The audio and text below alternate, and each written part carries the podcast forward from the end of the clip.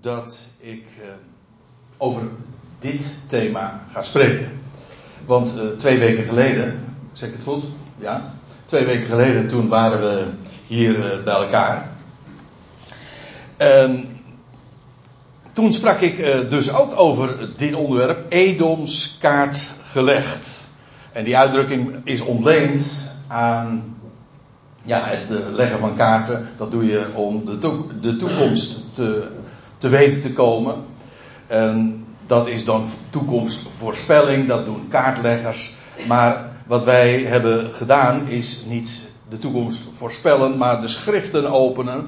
En daar uh, aan te ontlenen, ja, wat heeft God gezegd over de toekomst? En hij voorspelt niet, hij voorzegt.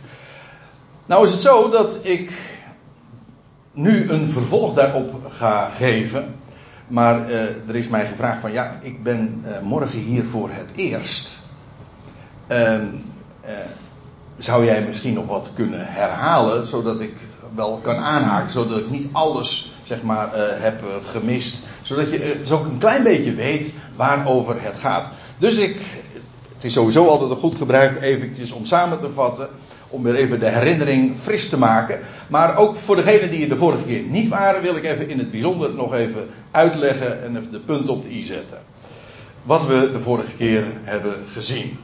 Nou, het eerste wat ik even naar voren wil brengen is dit: dat we uh, gezien hebben dat in, over tien jaar maken we echt een mijlpaal mee, profetisch gezien, omdat er dan precies 2000 jaar voorbij zijn sinds het heengaan van Christus. Dat is het jaar geweest. Sommigen zeggen een jaartje eerder of later. Doet nu even niet de zaken. Maar in ieder geval in die tijd is uh, de Heer zowel gestorven als opgestaan drie dagen later en veertig dagen later ten hemel gevaren. Nou, straks, over tien jaar, eh, maken we een mijlpaal mee, omdat er dan twee millennia voorbij zijn. En dat is profetisch gezien zo bijzonder, want God rekent in duizenden jaren en voor hem zijn duizend jaren als één dag. Staat er bij herhaling in de schrift en dat zou ons niet mogen ontgaan, zegt Petrus.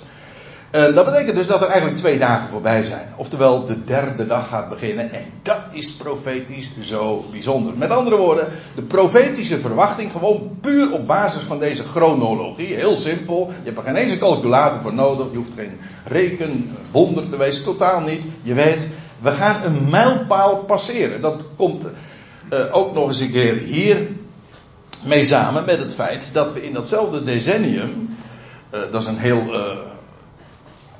Uitgebreid, veel uitgebreider verhaal om dat toe te lichten. Dat hebben we ook uh, wel bij gelegenheid gedaan. Maar dat er zes millennia dan voorbij zijn sinds de creatie van Adam.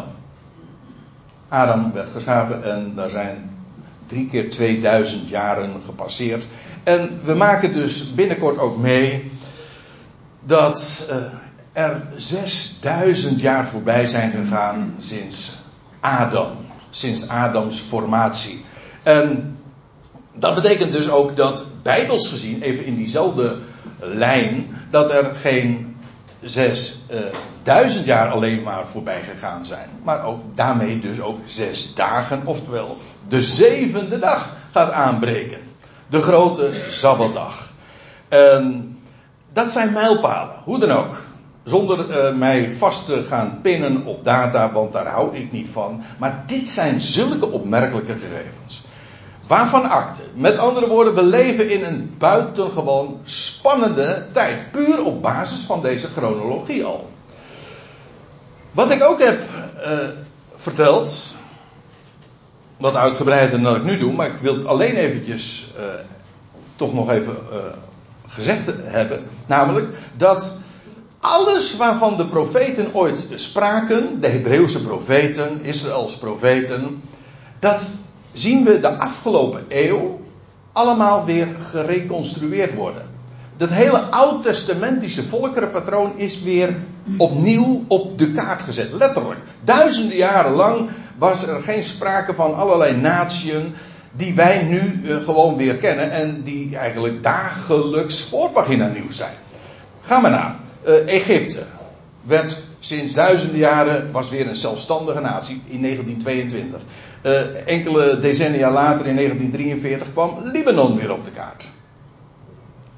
Dat zijn allemaal van die namen en volkeren, die, waarvan de profeten spraken. En duizenden jaren lang waren ze niet op de kaart. En speelde het geen rol. En die stukken zijn allemaal weer op het schaakbord gezet. Uh, in 1946 kwam daar weer Syrië. En nog weer even later, nee, hetzelfde jaar, uh, Amman als hoofdstad van Jordanië. Amman, oftewel Ammon. En nou, helemaal bijzonder in 1948 de Joodse staat. Duizenden jaren lang is er geen Joodse staat geweest. En toen was het er weer. En nog weer enige jaren later werd Jeruzalem van die Joodse staat de hoofdstad. En nog weer wat jaren later, toen was daar ook uh, weer een zelfstandig Palestijns land. Palestina. Er was al weliswaar uh, een, Palestijnse beweging van de. Maar in 1988 uh, werd het daadwerkelijk ook een land. En daar in de Gazastrook waar het van origine, bijbels gezien, was daar, waren daar altijd al de, de Filistijnen. Maar Filistijnen en Palestijnen heb ik u de vorige keer ook uitgelegd. Filistijnen en Palestijnen is gewoon hetzelfde woord. Wij maken een verschil. Maar in de Bijbel, als je terugvertaalt naar het Hebreeuws, kun je niet eens uh, het verschil aanduiden. Met andere woorden, uh, die, die oude vijand van de Joodse staat, van Juda, van Israël, die is er ook weer. Dus het hele conflict wat duizend jaren geleden speelde, dat is weer opnieuw de laatste eeuw actueel geworden. Nou, bijzonder of niet? Ja, en zou dat iets te maken hebben met het feit dat de termijn aan het verstrijken is? Ja, dat lijkt mij uh, een open deur intrappen. Dat is vragen naar de bekende weg. Natuurlijk, je had dit ook kunnen en mogen verwachten. Als je de profeten kende en je wist wat daar gezegd is, ja, dan, dan wist je van uh, deze dingen moeten gaan gebeuren. Nu even wat meer specifiek ook op het onderwerp van, de, van, van deze twee studies. Uh, ik heb wat verteld over Edom. Edom als andere naam van Esau. Jacob en Esau, maar Esau heette ook Edom. Ik heb daar ook wat meer over verteld. Edom betekent rood. Het gebied van Edom in het verleden. Dat is als je hier dan staat Israël hebt, het Joodse land. Hier heb je Am Ammon, Amman, het gebied van Moab. En hier heb je het gebied van Edom. Oftewel het gebergte van Seir, maar dat is allemaal hetzelfde gebied. Hier de bekende badplaats staan, Eilat. Maar feitelijk Edom was het gebied tussen de Dode Zee en de golf van Eilat. Hier, of de golf van Aqaba. Dit gebied in het bijzonder was in het verleden Edom met de bekende stad in het uh, bijzonder dan, die wij nu nog steeds kennen, Petra, Bosra, er waren diverse andere namen die ook een rol spelen, Theeman. Uh, we komen daar straks ook nog even over te spreken. Uh, eigenaardig is dat als er in de profeten wordt gesproken in Ezekiel 25, hebben we vooral in het bijzonder bezien, is dat als daar verteld wordt over het gebied van Edom, blijkt dat in de toekomst veel groter te zijn. Dat wil zeggen, naar het zuiden toe uitgebreid te zijn. Want nu neem ik even een grotere kaart. Kijk, dit was Edom. Hier heb je dan de Dode Zee en hier de Golf van Eilat en hier was dan uh, het gebied van Edom. Dat is ook in de toekomst zo, maar met dat verschil als in Ezekiel wordt gesproken over het gebied van Edom, dan wordt er gezegd dat is van Theman tot Dedan aan toe. En Dedan, dat is uh, tot op de dag van vandaag een Arabische plaats, Al-Ula, en dat ligt hier. En dat betekent dat het gebied van Edom niet alleen maar hier dit stukje is, maar veel uitgebreider naar het zuiden, tot in uh, hier aan toe.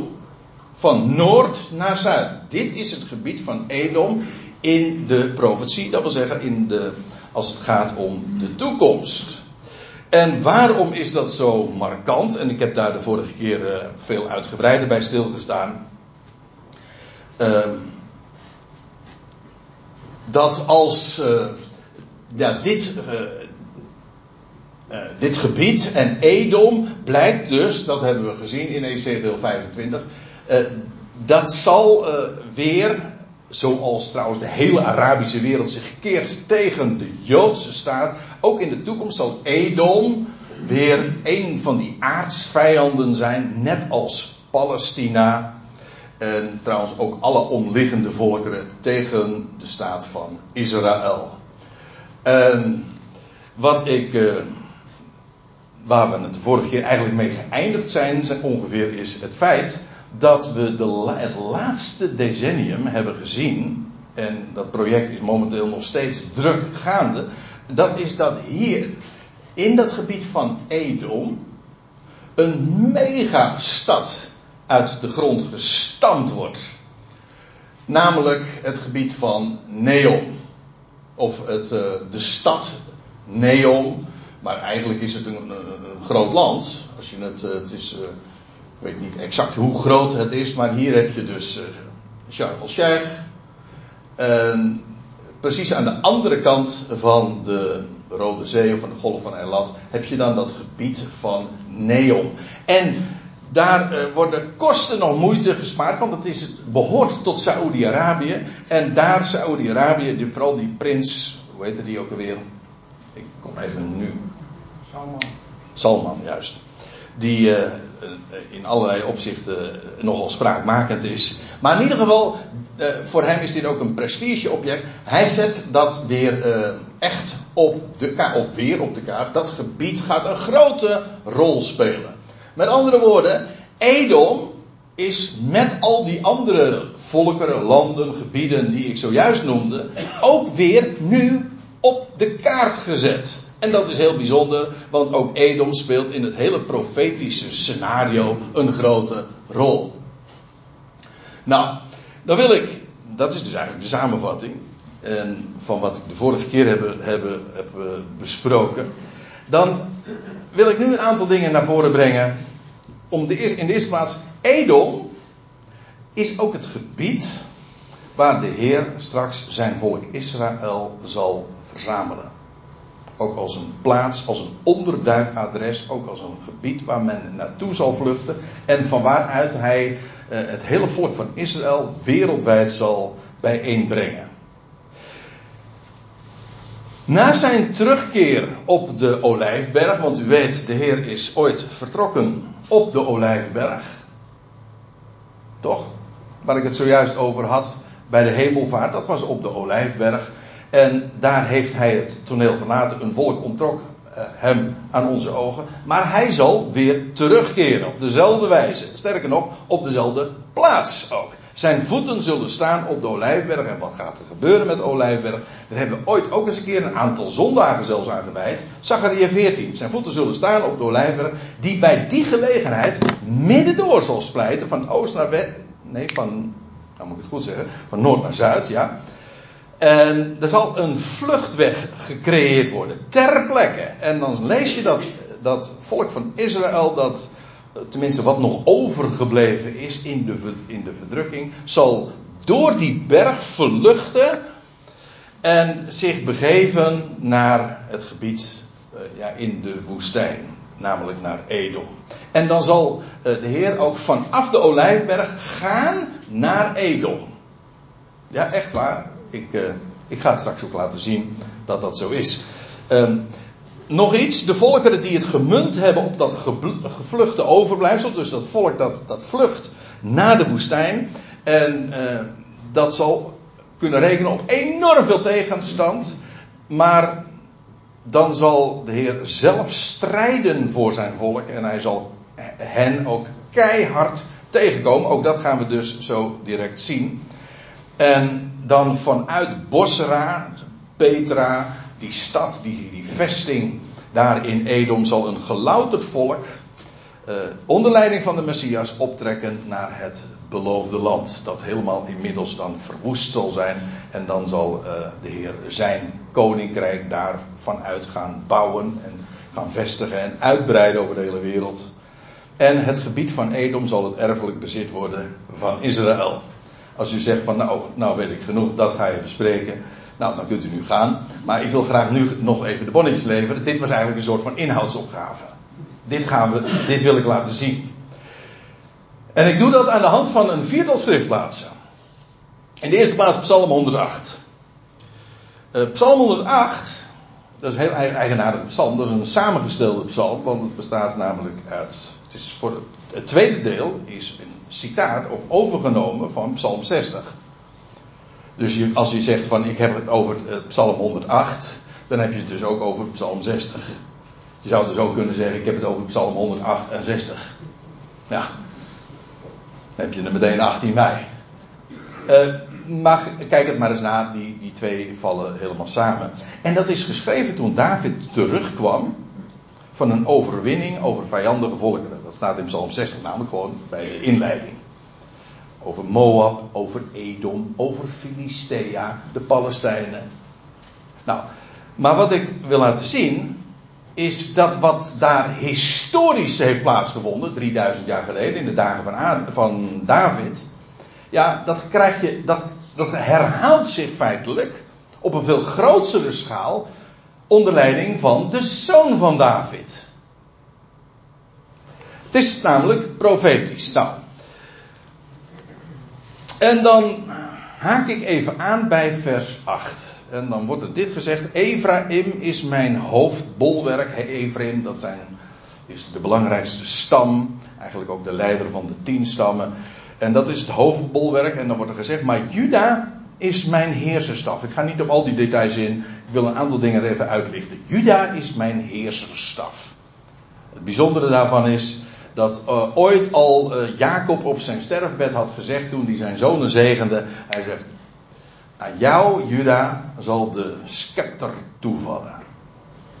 Het zou nog duizend jaar duren voordat dat werkelijkheid werd. Maar Juda, dat zou de stam worden die uh, ja, de, zou gaan heersen. En uit de stam van Juda kwam inderdaad ook het koningshuis van David. Ja, Juda is mijn heerserstaf omdat de scepter aan Juda was gegeven. Juda is ook die leeuw. Zo wordt ze vergeleken en de leeuw is uh, de koning. Hè? De koning der dieren. En de leeuw van Juda. Afijn. En dan staat er in vers 9: Moab is mijn wasbekken. Dat is prachtig, zoals dat beschreven wordt. Zo God, eh, zoals God al die gebieden zomaar een, uh, niet alleen een plek toewijst, maar ook een betekenis toekent. Van nou, uh, van, van wordt gezegd, dat is mijn, mijn, mijn hoofdbolwerk. Juda, dat is mijn scepter. En Moab, dat is mijn wasbekken. Dat is een heel verhaal apart, maar dat passeer ik nu even. En waarom? Wel, omdat het mij gaat om dat, tweede regel. En op Edom werp ik mijn schoen. Of mijn zondaal. En over Palestina in de NBG-vertaling staat Filistea. Maar ik zei al, dat is hetzelfde. Over Palestina zal ik juichen. Maar eh, die tweede regel. Op Edom werp ik mijn schoen. Kijk, eh, het idee is dat als je ergens de schoen opzet, dan betekent dat dat dat tot je bezit wordt gemaakt. Je, je zet je voet erop. Waarom? Wel om het daarmee tot je bezit te verklaren. Dat is een, eh, Gedachte die je in de Bijbel heel dikwijls al vindt. Maar op Edom werp ik mijn schoen. Ja, waarom? God gaat dat namelijk tot zijn gebied maken.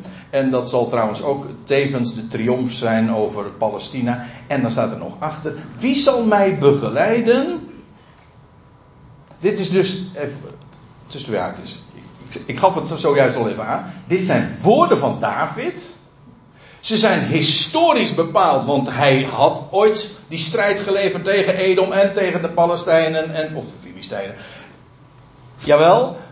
En hij had een strijd geleverd tegen Edom. Maar dit is ook profetisch. Ik, ook dat ga ik straks nog echt, echt ook aantonen. En het punt is. Uh, wat waar is voor David. Dat is de profetische werkelijkheid voor de zoon van David. En hij zal straks ook inderdaad naar de vestingstad gaan van Edom. Wie zal mij begeleiden naar de vestingstad? Want daar, u weet het, we hebben het uh, al eventjes uh, al eerder overwogen. daar is die stad. Die ligt daar al helemaal klaar. Een, een plaats van God bereid daar in de woestijn. Helemaal klaar. Uitgehouwen uit de rotsen. En daar gaat de Heer zijn volk inderdaad verzamelen. En dat heet inderdaad Petra of Sela. Eén is Grieks. Petra is Grieks. Uh, Sela is Hebreeuws. En Nederlands is trots. Het is namelijk een rotsstad. Helemaal, er is geen baksteen bij de uh, pas gekomen. Het is helemaal uitgehouwen uit rots. Een unieke. Het is een wereldwonder nog steeds trouwens. Zo wordt het ook gerekend. En dan staat er: Wie geleidt mij naar Edom? Ja, die, die stad, daar. Want weet je wat het is, eh, wat ik zo al ook al even aangaf. Wanneer de Heer straks verschijnt op de Olijfberg, zal er een vluchtweg ontstaan die naar de woestijn leidt. Dan krijg je dus dit verhaal. Hij zal zijn voet zetten aan de oostkant van Jeruzalem op de Olijfberg. En dan staat er, en, en dan zal er een, een weg gecreëerd worden, een vluchtweg. En als u zegt van, maar dit is science fiction. Ja, het is wel science, maar geen fiction. Het is namelijk profetie. Zo is het voorzegd. En dan zullen ze, zal men vluchten uit het land, dat dan inmiddels trouwens verwoest zal zijn, en dan zal men vluchten naar Bosra, Petra. Ik maak nu even in dit verhaal geen verschil tussen beide uh, plaatsen. Uh, ik, uh, ik, moet me soms ook even beperken. Trouwens, ik weet eigenlijk ook niet eens of er überhaupt een verschil is. In ieder geval, dan zal de Heer inderdaad zich voegen ook bij dat gezelschap dat hier vlucht naar de woestijn. Nou, nou neem ik u mee naar Micha 2. Ik, wat ik doe, is een aantal schriftplaatsen dus eh, bij elkaar sprokkelen. Ik heb er nu vier voor vanmorgen. Maar ik had er eigenlijk tien of elf in gedachten. Maar dat werd een beetje te veel. Want ja, mijn broer Dirk die ging ook gewoon uitgebreid verhalen houden. Uh, over, de, over mannelijk en vrouwelijk. Ik neem u mee naar Micha 2. Het is een heel bijzonder verhaal. Omdat daar ook wordt geprofiteerd over dat de Heer zijn volk zal verzamelen. Is heel onbekend, maar juist daarom wil ik het ook graag toelichten. Ik, staat er dan, en God zelf is hier aan het woord, ik zal Jacob verzamelen. Ja, verzamelen. Allen van u bijeenbrengen, ja, bijeenbrengen. Ik zal het overblijfsel van Israël samenbrengen als een kudde kleinvee in Bosra. Hé, hey, Bosra, dat is die stad in Edom. En wat gebeurt daar? Daar wordt dat wat overgebleven is, het overblijfsel, de rest van Israël, dat wordt verzameld trouwens wereldwijd, want God gaat zijn al het volk, wat, het, het grootste deel van het volk van Israël, want niet in het land, maar buiten het land, en dat zal verzameld worden, niet in het land, maar in de woestijn. En waar? In Bosra. En dat is nou zo'n mooie naam, weet u waarom? Omdat Bosra uh, dat betekent schaapskooi. En die naam is perfect uitgekozen, want wat gebeurt er in een schaapskooi? Ja, daar wordt de kudde verzameld. En dat is precies wat er met Israël gaat gebeuren. Israël wordt verzameld waar? In de schaapskooi. Daar, zo staat het ook. Ik zal het overblijfsel van Israël samenbrengen als een kudde kleinvee in Bosra. Als een bijeengedreven kudde in het midden van de schaapskooien. Het zal gonzen van mensen. Met andere woorden, dat gebied van Edom, daar die woestijn, gaat nog een hele grote, belangrijke rol spelen. In het hele profetische scenario. En, en dat, ja, het zal er gonzen van mensen. Ja, waarom? Ja, omdat de Heer daar zijn, zijn hele volk uh, allen gaat bijeenbrengen. Daar in Bosra. Uh, we, we, vinden dat trouwens ook op andere plaatsen. Ik heb er expres maar eventjes alleen maar een tekst bij genoemd. Omdat uh, voor degenen die dat nog eens willen nazien. Waar dat nog meer verteld wordt. Onder andere in Ezekiel 20 wordt het zelfs vrij uitgebreid beschreven. Dat de Heer hen zal eerst zal brengen in de woestijn. En vanuit de woestijn zal hij hen leiden naar het land. En dan staat er, de doorbreker zal voor hun aangezicht doorbreken en ze zullen de poort doortrekken. U weet het hè, ja, het is een prachtverhaal over Petra, want hoe je, ja, een mooi verhaal over Petra. Je kent heel veel mooie verhalen van Petra en over Petra. Maar ik bedoel, die stad daar in Jordanië dus. Hè. En uh, dan krijg je, daar heb je namelijk een poort. Ik ben er zelf nog nooit uh, geweest. Moet er uh, toch nog eens een keertje van komen eigenlijk. Maar in ieder geval, dan heb je daar die, die, die, die kloof. van een paar kilometer voordat je echt in die stad. Hè. En eng is de poort. Ja, en smal de weg is heel smal, want soms je kan daar niet eens met een, uh, met fatsoen, uh, met een auto doorheen uh, op sommige plekken. Heel eng is de poort en smal is de weg die daar naartoe leidt.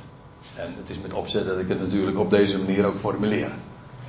En en als ze dan uh, daar verzameld zijn, en er gaat nog een heleboel gebeuren. Wat er precies gaat gebeuren, dat is nu niet het onderwerp. Maar dat het, de Heer gaat daar zijn volk verzamelen, ook screenen en bereid maken. En dan vervolgens vanuit die stad zal hij hen, uh, hij zelf aan de spits, de Messias, als representant ook van God zelf, als beeld Gods, zal hij hen uh, voorgaan. En hun, staat ook bij, ze zullen dan uitgaan en hun koning zal voor hun aangezicht doortrekken en Jaweh aan hun hoofd. Met andere woorden, uh, ze, ze blijven daar niet. Nee, ze gaan optrekken naar het beloofde land. Feitelijk gewoon precies hetzelfde als wat ooit in het verleden al is gebeurd toen Israël ook in de woestijn was.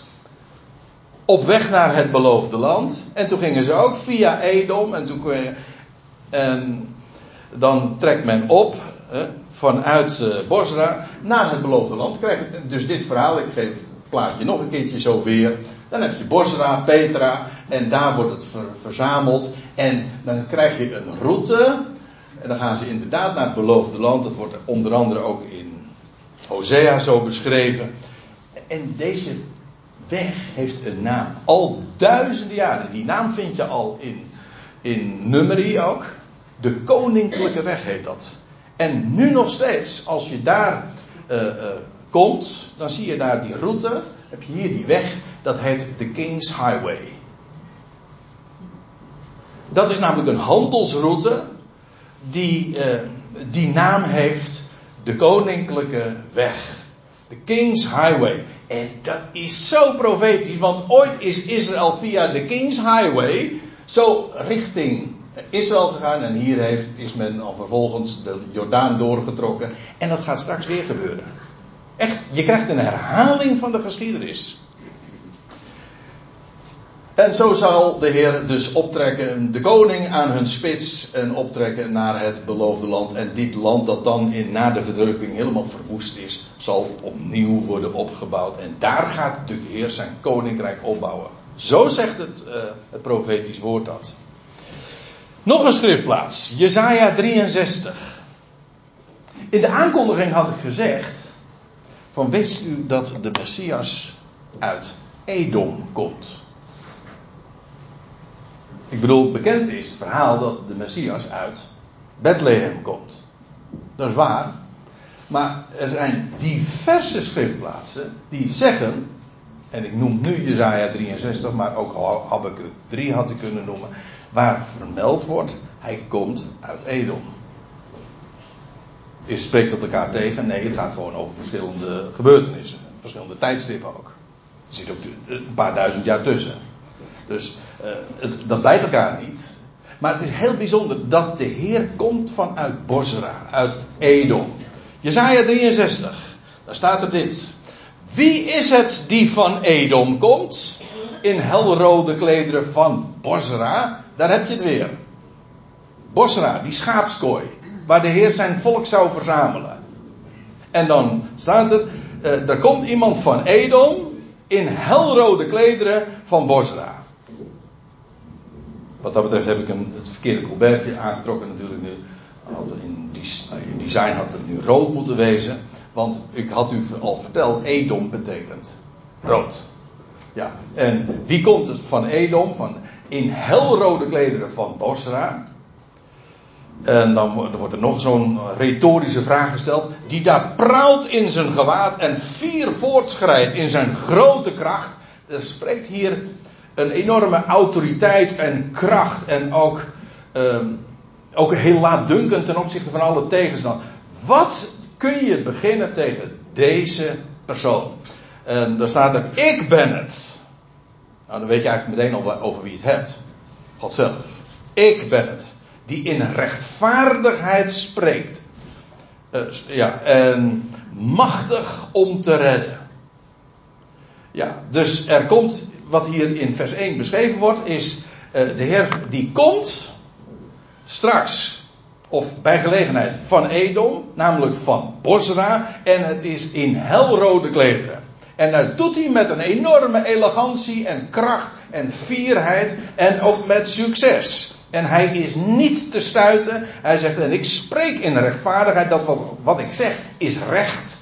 En waarom is dat ook? Wel, hij zegt, ik ben ook machtig, in staat namelijk om te redden. En dat gaat hij ook met zijn volk doen. Heel letterlijk, heel concreet. Waarom is, en dan is de vraag, waarom is uw gewaad rood? Dat is dus dat Hebreeuwse woord voor edel. Dat staat hier. Waarom is uw gewaad rood? En uw kleder als een die de, de wijnpers treedt. Het is net, dat, dat kleed is dus ja, helrood. Ja, hoezo? Uh, als iemand die de wijnpers treedt, trouwens, dat is ook een Bijbels beeld. Als het gaat over het gericht. Dat God straks uh, als hij de volkeren gaat richten, dan treedt hij, zo, dat beeld wordt diverse keren zo in de schrift genoemd. In openbaring komen we dan ook weer tegen dat hij als, als iemand die de wijnpers treedt. En dat is dat oude, dat oude plaatje, je, hoeft, uh, je hebt er niet zoveel fantasie voor nodig dat zo'n hele bak dan vol ligt met druiven en dat wordt dan getreden. Tegenwoordig wordt dat machinaal gedaan, maar in de tijd werd de wijnpersbak getreden met blote voeten en zodat, het, zodat daar uh, de druivensap uh, uitkwam. En ja, uiteraard iemand die dat deed, die werd helemaal rood. Nou, dat is wat hier staat. Waarom is uw gewaad rood en uw kleder als, als een die de wijnpers treedt? Het is natuurlijk beeldspraak, als een die de wijnpers treedt. Ik alleen, zegt de Heer, ik alleen trad de wijnpers. En van de volkeren was niemand bij mij. En ook niemand voor mij. Dat wil zeggen, de Heer treedt dus echt op voor zijn volk, ja, maar tegen de vijanden. En van de volkeren is er niemand die met hem is. Ik trad hen, zegt hij, in mijn toorn. En ver, ver, vertrad hen in mijn woede. En hun bloed, dat is echt een bloederig uh, tafereel wat hier natuurlijk geschilderd wordt. Ik, en hun bloed spatte op mijn klederen en ik bezoedelde heel mijn gewaad.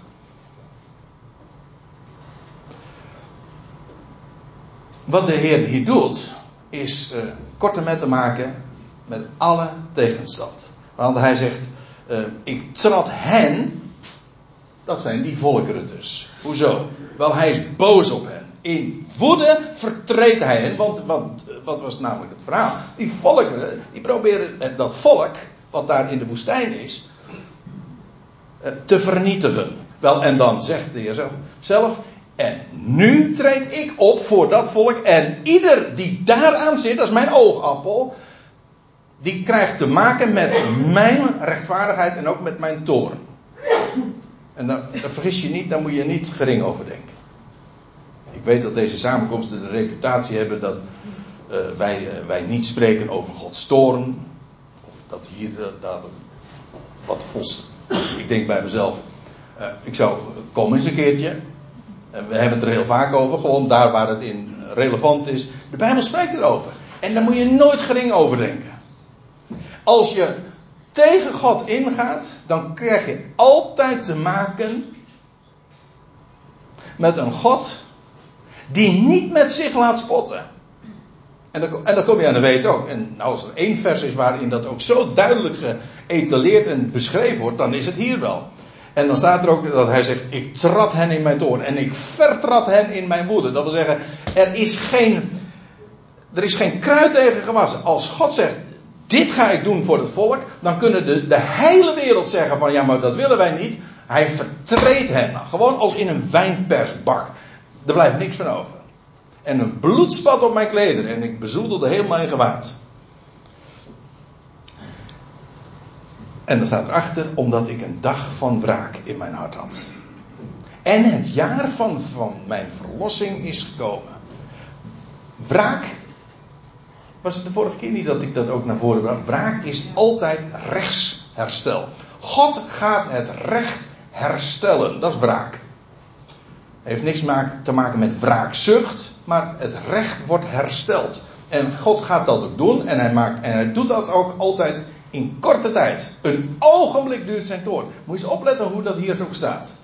Gods toorn moet je nooit wegwuiven. Ik gaf het net al aan. Maar je moet het wel in de proporties zien. En, dat, en als het ergens beschreven wordt, dan is dat hier in Jezaja 63 vers 4. Het is, wat heeft God in zijn hart? Wat bezit? Dan zegt hij, ik heb in mijn hart een dag van wraak. En het jaar van mijn verlossing is gekomen. Kijk, dat is de verhouding. Als, God, als het gaat om Gods wraak, dat doet hij kort en uh, snel. Hij doet het. Maar het is altijd de inleiding tot. En dat zie je hier ook. Het is een dag van wraak. Maar het is een jaar van verlossing. Dus als je het eventjes dan in verhouding zou moeten plaatsen. Dan is het dus zo dat Gods wraak zich verhoudt tot de verlossing. Als 1 staat tot 365. Dat is de verhouding. God wreekt, jawel, maar het is, en dat zie je hier trouwens ook. Hij zegt: Ik heb een dag van wraak in mijn hart. Ja, maar waarom? Wel om het jaar van mijn verlossing te doen aanbreken. God gaat namelijk zijn volk verlossen. En degene die dat tegenstaat, ja, die wreekt hij. En maakt hij een korte metten mee. En dat zie je hier in Jezaja 63. Als hij daar in Edom is. En dat volk gaat verlossen ja, dan alle tegenstand daar, uh, daar maakt hij korte metten mee en, daar, en die breekt hij ook. En tenslotte neem ik u nog mee naar Amos 9. Het laatste hoofdstuk van deze profeet. En dan wordt daar ook gesproken, je zou de hele context eh, daarvan even erbij moeten betrekken. En omwille van de tijd doe ik dat nu niet. Er wordt hier gezegd, uh, in die dag, te dien dagen, zal ik, dat is de, de Heer zelf die aan het woord is, Jawel, zal ik oprichten de vervallen hut van David. Dat speelt nog eens een keer een rol in de Bijbelse profetie. Deze woorden. De vervallen hut van David, weet je waar dat op slaat? Dat slaat op de dynastie van David het koningshuis van David. U weet het, David was de eerste van dat koningshuis. En hij heeft twintig, er zijn twintig koningen geweest die in Jeruzalem hebben geregeerd, allemaal. Twintig koningen uit het koningshuis van David. En wat is er toen gebeurd? Wel, Israël is uh, het volk van Juda is in, in ballingschap gegaan. En dat huis van David is gewoon, ja, uh, een vervallen hut geworden. En al 2500 jaar is er nooit meer sprake geweest van een koningshuis van David. Al 2500 jaar. Dus, maar wat de belofte is, God zegt, ik heb mijn belofte en, en mijn uh, verbond gekoppeld aan het nageslacht van David. En wat hij doet, is aan de zoon van David, en u begrijpt over wie ik het heb, over de Messias, aan hem wordt het koningschap gegeven. En hij is degene die straks, bij gelegenheid, de derde dag, gaat hij het koningshuis van David herstellen. De vervallen hut van David, waar eigenlijk niks van overgebleven is. Ja, al, ik zei al, 2500 jaar is er al helemaal geen. Ja, er is een stad Jeruzalem. Maar van een koningshuis van David is al lang geen sprake meer. Het is een afgehouwen tronk. Maar u weet het wat er dan gebeurt. Hè? Er zal een reisje voortkomen uit de afgehouwen tronk van Isaïe. En dat koningshuis van David gaat hersteld worden.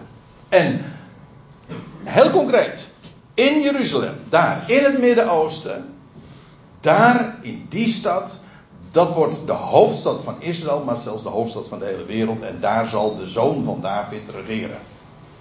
Op de zevende dag, in de zevende dag, de Sabbat, ja, die grote dag. In die dag, ja, zal ik oprichten de vervallen hut van David. En ik zal haar pressen ommuren, dat wil zeggen de gaten enzovoorts, alles herstellen. Um, en wat ingestort is, overeind zetten. En ik zal haar herbouwen, als in de dagen van de Aion. Dat wil zeggen, de, er breekt een nieuwe wereldtijdperk aan, een nieuwe Aion. Maar hij zegt, ik, het zal weer zijn als in de dagen van de Aion. Dat wil zeggen, in de dagen dat ooit David daar koning was. En, en de zoon van David, ik bedoel Salomo, daar een enorm wereldrijk had daar in het hele Midden-Oosten. Zo zal hij haar herbouwen. Je gelooft het niet, maar het gaat gebeuren. Ja. Dit is geen voorspellen, dit is voorzeggen. God heeft het zijnen er al duizenden jaren geleden vastgelegd. Zo gaat het gebeuren. Geloof het of niet, maar dit is uh, uh, wat er staat geschreven. Dus die dynastie, die, dat koningshuis, wordt gerestaureerd. En dan staat erbij, en daarom lees ik het ook, opdat zij beërven het overblijfsel van Edom. En al de natieën waarover mijn naam is uitgeroepen, luidt het woord van Jahweh die dit doet. Twee dingen. Daar, in Edom, gaat zijn, God zijn volk samenbrengen. En van daaruit, daar in Bosra, en die schaapskooi, daar bij Petra, van daaruit zal hij eh, optrekken naar het beloofde land. Maar wat er dan gebeurt, is in Jeruzalem, dat verwoeste Jeruzalem gaat dan herbouwd worden. Het koningshuis van David wordt hersteld, gerestaureerd. De vervallen hut van David wordt weer opgebouwd. En wat er dan gebeurt, is dat koninkrijk gaat uitgebreid worden. En wat ze gaan doen, ze beërven het overblijfsel van Edom. Want het beloofde land krijgt ineens hele grote grenzen. Ik bedoel, eh, van de Nijl tot de Uifraat aan toe. Dus allemaal Israël. En ze beërven ook dus dat overblijfsel van Edom en al de natieën waarover mijn naam is uitgeroepen. Dat is het land wat hij ooit al had beloofd aan Abraham. En dan staat er. En, al de natieën waarover mijn naam is uitgeroepen, luidt het woord van Yahweh. En nou komt het, en dat, daar wil ik mee afsluiten. Yahweh, de Heere dus, die dit doet. Ziet u, dit is beschrijving van wat God doet. En ook gaat doen. Zonder dat daar een appel gedaan wordt aan mensen. Er wordt niks van u of mij verwacht. Dit wordt gewoon medegedeeld. En dat geloof je of je gelooft het niet. En een gelovige is iemand die het gelooft. Die, die zijn vertrouwen daarop stelt. Zo is het. Daarop kan ik staan. Dat is een rots, hè? dat is Petra. Dat is de rots waar ik op sta. En uh, de Heer zegt: Ik ga doen. En niemand heb ik daarvoor nodig. En ook, het is ook zo dat iedereen die tegenstaat. Uh, geen schijn van kans heeft. En dat vind ik zo geweldig. Uh, dit maakt de Bijbel ook werkelijk tot een bericht. Een zo'n goed bericht. God heeft een plan. En dat volvoert hij. En een mens kan daartegen protesteren, of het er niet mee eens zijn, of de hele Verenigde Natie bij elkaar roepen en zeggen van we gaan in actie en we gaan uh, ons mobiliseren en al het hele militaire apparaat gaan we zodanig organiseren en we gaan uh, ons richten tegen dat land. Geen schijn van kans, die in de hemel zetelt, die lacht erop. Het is gewoon een joke. Het is gewoon, slaat nergens op. Hij heeft bepaald, hij zegt dan, ik heb toch mijn koning gesteld daarover Sion. Wat denk je wel? Kijk, en die God die de, de, hele schepping tot stand heeft gebracht en heeft bedacht, hij heeft een plan. En niets en niemand kan hem daarvan weerhouden. Mensen, die derde dag, die gaat eraan komen. Die zevende dag, die Sabbat, die gaat aanbreken. En hoe het precies allemaal gaat. Nou ja, misschien, uh, ik kan me voorstellen dat voor sommigen. Het uh, duizelt me allemaal dat hele scenario. Dan zeg ik, maakt niet uit. God gaat zijn weg. En het komt allemaal goed. Er komt een dag van wraak, jazeker. Maar een jaar van verlossing. Dat zijn de verhoudingen. Dat is onze God. Zullen we het daarbij laten voor vanmorgen?